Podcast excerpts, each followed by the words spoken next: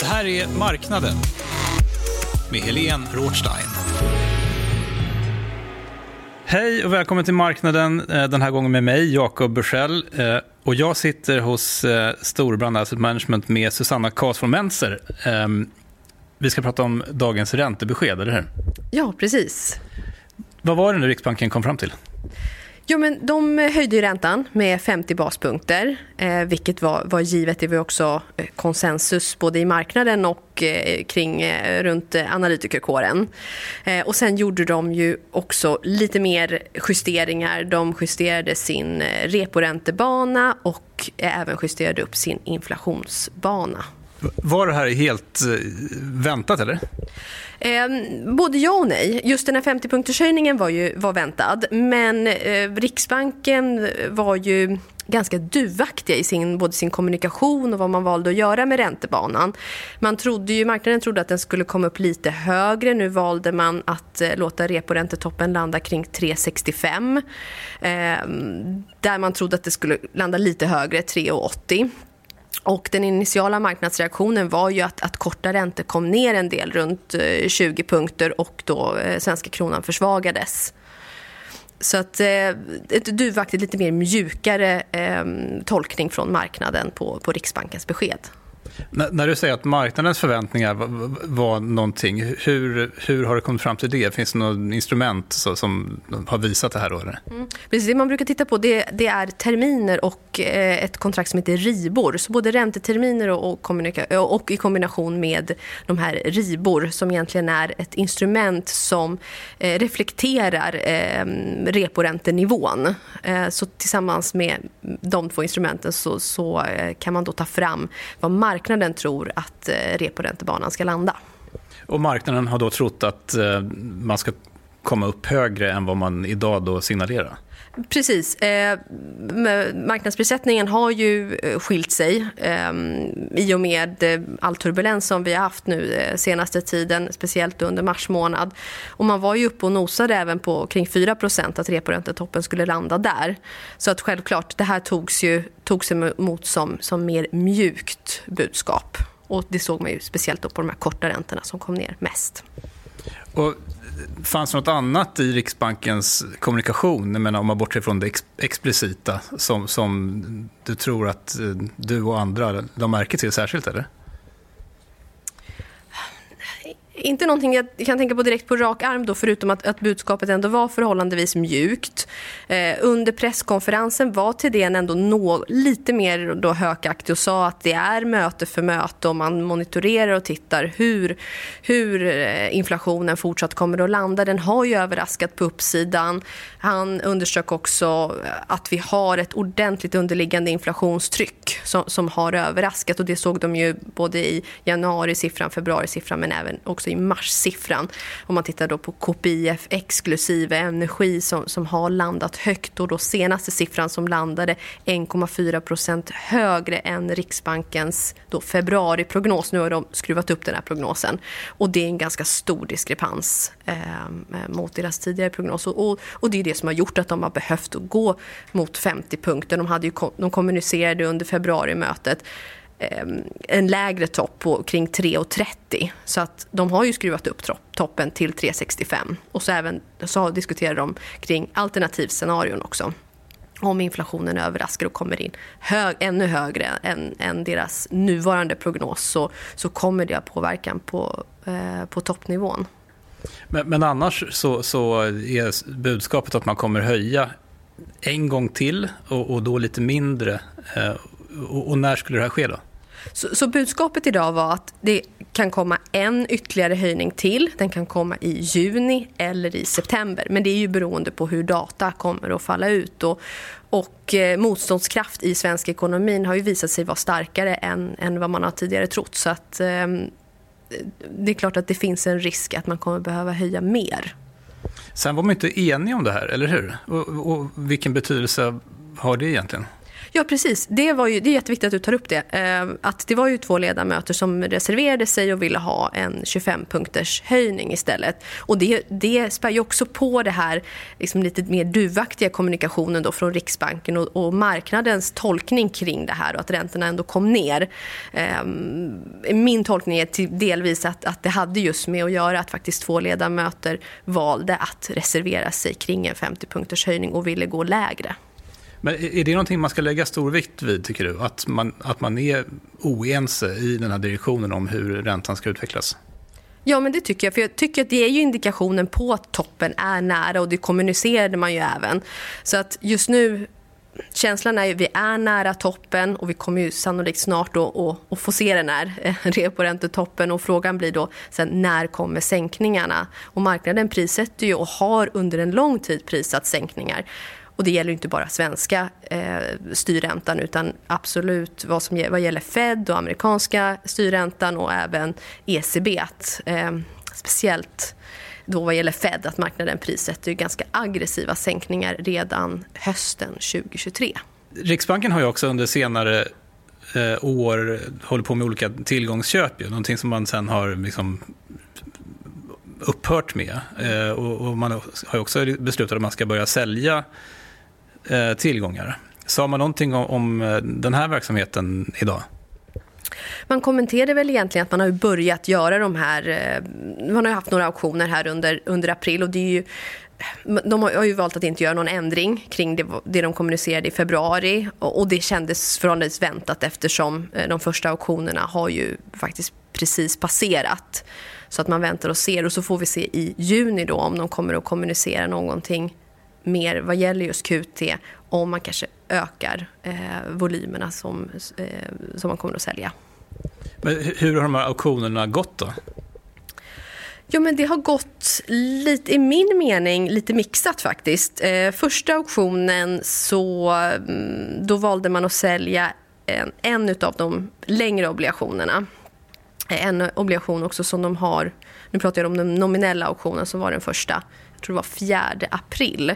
Eh, så då valde man att sälja eh, en ganska lång obligation och en ungefär tioårig risk. Ehm, och då vad gäller den här långa obligationen som, som marknaden, alla är ju medvetna om att Riksbanken har ett ganska stora innehav i just det, det obligationsförfallet, den gick ju lite sämre. Så då valde man att dra ner volymen på den som gick sämre och istället öka volymen där, för den obligationen som hade lite mer då, köptryck från marknaden. Så jag skulle säga den första auktionen gick väl sisådär. Um, och sen har man haft eh, en auktion med reala um, reala obligationer som man också har sålt. Uh, alltså man, ska sälja, man säljer ungefär 500 miljoner per månad i reala obligationer. Uh, ja, den, den, gick väl, den, var, den gick helt okej. Okay. Och sen så har man haft ytterligare en auktion som, som har gått bra. Det, de har man lyckats sälja den volymen de har önskat att sälja. Men det, det, det intressanta blir ju hur marknaden kommer att hantera de här löptiderna som inte är så populära som man vet att de har stora innehav i. Men hur kan man tolka det då, att, att eh, de inte lyckas bli av med allt de vill bli av med? Ja, men det blir intressant att se och det här handlar om prissättning och man får se hur de här obligationerna kommer att handlas. Och det skulle jag säga, det har ju inte riktigt landat än och det är lite för tidigt att säga. Så vi har ju haft egentligen då bara två stycken nominella, eh, nominella auktioner hittills så att det får lite framtiden utvisa. Eh, så lite för tidigt att säga. Man ser en utveckling nu eh, i USA som det talas en del om. Att, att eh, eh, där är ett enormt stort inflöde i så kallade penningmarknadsfonder. Eh, ser man den utvecklingen också här i, i, i Sverige? Inte kanske exakt samma utveckling som man har sett där. Eh, USA har ju, det är just liksom, vad gäller deras statsskuldsväxlar så har ju de väldigt, väldigt höga räntenivåer. Eh, höga räntenivåer jämförelsevis mot, mot bankkonto nivåerna också som amerikanska banker erbjuder. Eh, men det är klart att man har sett att det är ett inflöde i just penningmarknadsfonder och det är ju för att nivåerna har kommit upp och man kan få en, en yield på säg kring 3,80 för, för en placering i en penningmarknadsfond vilket är nivåer som man inte har sett på, på väldigt lång tid. Och det är ju för att vi har fått en, en alltså korta räntor har stig, stigit kraftigt under den här höjningscykeln vilket är helt naturligt när Riksbanken höjer räntor att, att det får effekt på, på korta räntor eh, speciellt. Det har ju fått effekt även på längre, men, men att korta räntor har stuckit iväg ordentligt. Men varför tror du inte att eh, intresset eh, för den här typen av placeringar är, större? Om man jämför då med räntan du får på ett, eh, på ett bankkonto så är den typiskt sett väsentligt lägre än 3,80. Man, man kan ju tycka att folk borde bara plocka sina pengar från banken och stoppa in i, en, i en sådana fonder. Ja, och det kan ju bli så i, framöver. Intresset kan ju öka och det, det, har ju ökat. Vi diskuterar ju räntefonder och räntor i mycket större utsträckning. Bara att vi pratar nu om, om räntebeskedet, eh, det har, ju, det har ju visat att det är betydligt mycket mer attention kring den här produkten för att nu finns det en avkast, avkastningspotential. Så det är lite så här, framtiden får utvisa. Eh, min, jag hoppas ju på att det, det kommer bli ett större intresse kring just korträntor för att det är ju en väldigt spännande produkt just nu. Vad finns det för typ av eh, instrument i de här eh, fonderna? Då? Ja, men det är lite mixat, eh, beroende för, givetvis från fond till fond. Men det är ju fokus, i en korträntefond ska ju fokus vara på kort duration. Eh, så att... Ehm, eh, och sen kan det vara en mix mellan kring eh, hur mycket av till exempel IG-krediter man tillåter i en korträntefond och, och så. så att, Eh, det beror lite från fall till fall. Men, och det, så det kan vara obligationer med kort löptid kvar då exempelvis? Absolut, det kan vara eh, trippel B-obligationer med eh, kortare löptid. Är det bostadsobligationer och sånt i de här fonderna också? Eller? Det kan vara mixat. Det kan även finnas företagskrediter, eh, IG-krediter med kortare löptider. Och, och, ser man nu en sån här dag när, när Riksbanken eh, höjer sin styrränta att eh, räntan på de här korta eh, räntepapperna följer med upp? eller? Just idag faktiskt räntan på, på de allra kortaste löptiderna har ju sjunkit för att Riksbanken gav ju ett mer duvaktigt eh, budskap. Så att det är ju korträntor som har kommit ner mest idag så vi har fått en sån, som det vi brukar säga, en kurvbrantning att korta räntor faller mer än vad långa räntor gör. Så just idag så, så, så är ju trycket lite på nedsidan vad gäller korträntor. Var, varför, det förstår inte jag. Var, varför, varför följer inte korträntan med upp när, när Riksbanken höjer räntan? Jo, men det, det har ju i, i, eller vad ska man säga, det har ju med att göra att, att man prissätter ju en, en hel räntebana. Även om man tittar på väldigt korta derivat och, och, korta obligationer så finns det ju en förväntansbild. Om man tittar på en obligation till exempel som förfaller i december så kan man ju tycka att då finns det en viss räntebana prissatt i den yielden när man väl väljer att antingen köpa eller sälja den, eh, det specifika pappret. Och då var ju förväntningen en högre räntebana, en mer hökaktigt budskap från Riksbanken vilket gör då att när de är mer mjuka i sin kommunikation så får det effekt på de korta räntorna. Till exempel korta swapräntor och terminer får ju ett eh, tryck på nedsidan. Just det, så att man, man är så pass framåtblickande även i de här kortare löptiderna. Det stämmer. Man prissätter ju en, en hel ofta en hel räntebana. Och även för korta löptider så, så har vi ju, även om man bara tittar mot december så är det ju fortfarande en del som kan hända fram tills dess. Så det finns ju en prognos i de här, även de här korta papperna. Och hur tänker du att eh, de här korta räntorna kommer att utvecklas nu under, eh, under de kommande månaderna? Det blir intressant att, följa och se. Korta räntor har ju kommit upp ordentligt så vi får se om de kommer kunna hålla sig på de här nivåerna fortsatt.